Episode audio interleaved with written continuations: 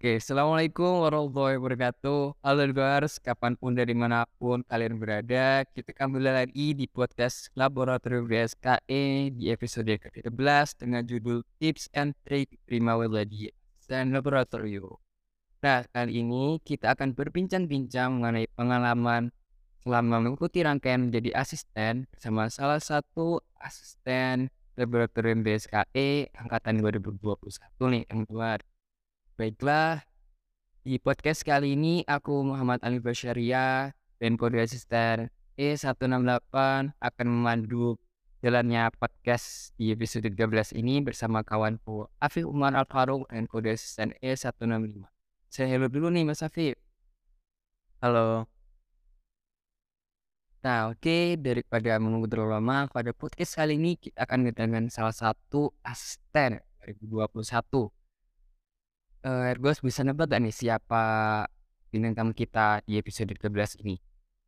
Daripada menunggu waktu dan Ergos ber, uh, penasaran buat podcast di episode 13 ini, langsung aja aku kenalin teman-teman salah satu asisten Lab DSKI 2021 yang humble dan cantik dari staf RNK Laboratorium DSKE yaitu Mbak Khalisa Aurelia dan Mbak E165. Halo Mbak Aurel, apa kabar?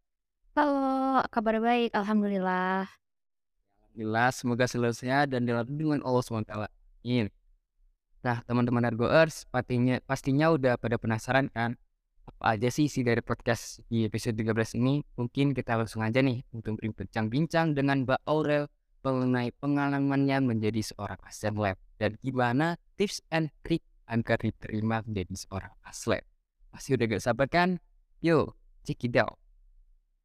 Oke, terima kasih Mas Alif. Oke, aku mau nanya nih untuk ke Mbak Aurel. Mungkin alasan Mbak Aurel mengikuti kegiatan open recruitment menjadi asisten lab ini apa aja sih? Oke, uh, dari SMA itu aku sebenarnya memang kurang ikut organisasi atau event-event gitu. Event itu aku cuman ikut satu atau dua. Dan di perkuliahan ini aku pengen mencoba hal baru yaitu dengan mengikuti rangkaian acara menjadi asisten lab dan itu salah satu kenapa alasan aku mendaftar di lab DSKE. Kalau boleh tahu nih Mbak Aurel, sebelum Mbak Aurel daftar ke Open Recruitment DSKE, persiapan apa aja sih yang dilakuin dan disiapin buat Open Recruitment tersebut? Untuk persiapan yang pasti aku cari cari tahu dulu lab DSKE ini tentang apa. Dan aku cari tahu, oh ternyata lab DSKE ini sesuai dengan passionku. Aku mau bekerja di bidang apa, aku suka penelitian tentang apa. Nah dari situ tuh aku juga cari-cari lewat sosmed, oh ternyata lab DSKE itu kayak gini. Dan itu persiapan yang kemarin aku lakukan selama mengikuti rangkaian menjadi asisten lab. Kegiatan apa aja sih yang dilakukan Mbak Aurel selama rangkaian menjadi aslab? Untuk kegiatan itu banyak banget dan seru-seru banget yang mungkin bisa menjadi latihan untuk meningkatkan soft skill ataupun hard skill aku. Misalnya nih kan uh, yang pasti dalam rangkaian menjadi asisten itu kan ada yang namanya bikin laporan. Nah, itu tuh benar-benar membantu aku banget dalam pembuatan laporan di kehidupan sehari-hariku. Aku jadi lebih tahu, oh ternyata tuh yang baik tuh kayak gini ya. Oh ternyata yang gak boleh dilakuin tuh kayak gini. Sejauh ini sih seperti itu. Uh, kalau boleh tahu nih Mbak kan di rangkaian jadi seleb itu ada banyak nih. Ada open recruitment, ngelonten, paten, dan lainnya kan. Nah kalau boleh tahu bisa nggak sih di spill dikit-dikit nih apa aja yang dimaksud? Jadi open recruitment itu seperti apa?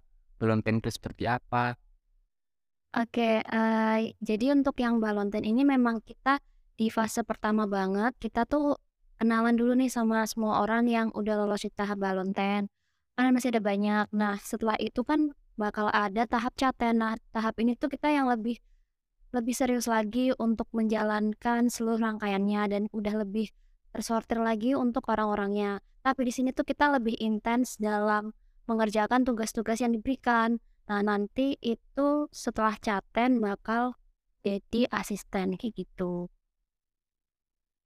kegiatan apa yang paling terkenang atau berkesan saat mengikuti rangkaian menjadi aslep? Misalkan nih, eee, kenang-kenangan apa aja sih yang paling berkesan? Atau pas makan pizza limo mungkin yang ada banyak itu sampai kekenyangan semuanya atau apa aja gitu menurut Mbak Aurel?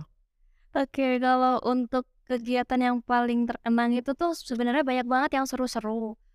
Tapi menurut aku kalau untuk kegiatan rangkaian selama menjadi asisten, eee, itu aku seneng dalam, eee, Big Pro. Nah, Big Pro tuh kenapa aku senang, karena di situ tuh aku benar-benar ngembangin banyak hal mulai dari public speaking, terus bisa membuat desain dari suatu produk, dan juga aku membuat, eee, desain yang membuat orang tuh jadi lebih terbantu, gitu. Wih, ternyata seru juga nih, eee, dari kegiatan dilakuin Mbak Aurel dan juga kesan pesannya. Kesan paling berkenan ya Mbak Aurel. Nah, Iya. kalau perasaan waktu Mbak Aurel terima menjadi seorang asisten gimana tuh? Kaget kah? Atau mungkin, "Oh udah tahu sih aku bakal keterima," atau kayak gimana nih?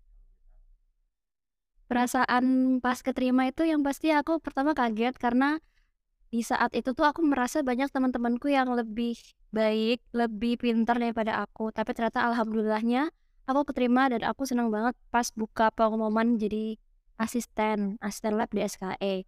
Ya kayak nggak percaya gitu sih, soalnya selama penjalanan dan rangkaian asisten itu aku kayak, "Oh ya udah deh kalau nggak keterima ya udah nggak apa-apa, masih banyak jalan lain." Gitu. Tips and trik diterima menjadi asisten lab di SKE apa aja apa aja nih Mbak Aurel? Mungkin, eee, Mbak Aurel punya strategi tersendiri atau terkhusus yang paling khusus banget nih? Kalau khusus-khusus banget sih nggak ada ya, tapi yang pasti jangan menunda-nunda tugas karena itu bakal ngaruh banget dan bikin keteteran. Terus yang kedua, aku saranin bisa punya teman selama pengerjaan tugas-tugas yang mendatang nanti, karena punya teman yang saling support itu tuh bisa membantu kita biar nggak terlalu stres, dan juga manajemen waktu yang baik itu penting. Itu sih kalau dari aku.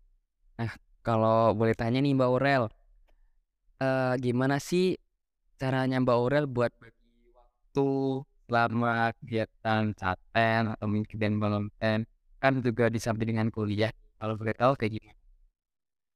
Eee, pas awal-awal aku memang agak sulit untuk membagi waktu karena mungkin masih awal-awal, tiba-tiba ada tugas-tugas dari lab dan juga bersamaan dengan tugas-tugas kuliah. Tapi nanti seiring berjalannya waktu kalau udah tahu nih temponya, oh deadline dari tugas lab tuh segini, deadline dari tugas kuliah tuh segini. Nah kita tuh bisa make sure waktu yang kita buat itu tuh udah sesuai dengan deadline-deadline tugas itu. Jadi nggak keteteran dan nggak bikin stres atau bikin kita bergadang, gitu. Itu nih. Nah, buat sahabat Dreamworks jangan lupa tuh dicatat tips and trik dari Mbak dan juga cara bagi waktunya. Buat Mbak sendiri, selama mengikuti rangkaian dari awal sampai akhir nih, dari open recruitment hingga diterima menjadi seorang lab, benefit apa aja sih yang didapetin ketika mengikuti rangkaian tersebut kalau boleh tahu? Kalau benefit sih banyak banget ya. Kayak bisa meningkatkan soft skill dan hard skill aku. Dan yang menurut aku paling berpengaruh itu di public speaking karena memang aku tuh orangnya sulit untuk public speaking apalagi di depan banyak orang dan aku tuh dulu juga sulit untuk mengutarakan pendapat. Kayak mengutarakan pendapat aja tuh susah gimana untuk public speaking di depan banyak orang. Nah, tapi karena sering nih ada presentasi, terus sering ngomong di depan asisten, itu tuh membantu aku dalam menata bahasa, menata tempo, gimana caranya aku bisa berbicara yang baik di depan umum, kayak gitu. Kalau kesan dan pesan selama rangkaian aslep ini apa aja sih Mbak Aurel? Misalkan, eee, Mbak Aurel ada secret message nih untuk Mas dan Mbak asisten atau apa aja itu, kira-kira apa ya? Kalau yang kesan, yang pasti aku senang banget dan alhamdulillah aku bisa kemarin mengikuti seluruh rangkaian menjadi asisten hingga sekarang menjadi asisten. Aku senang banget Dan pesan itu untuk Mas, Mbak asisten dan teman-teman semangat terus untuk seluruh kegiatan asisten ke depannya, apa pun yang akan terjadi nanti, eee, dihadapin bareng-bareng dan jangan nyerah. Itu, semangat.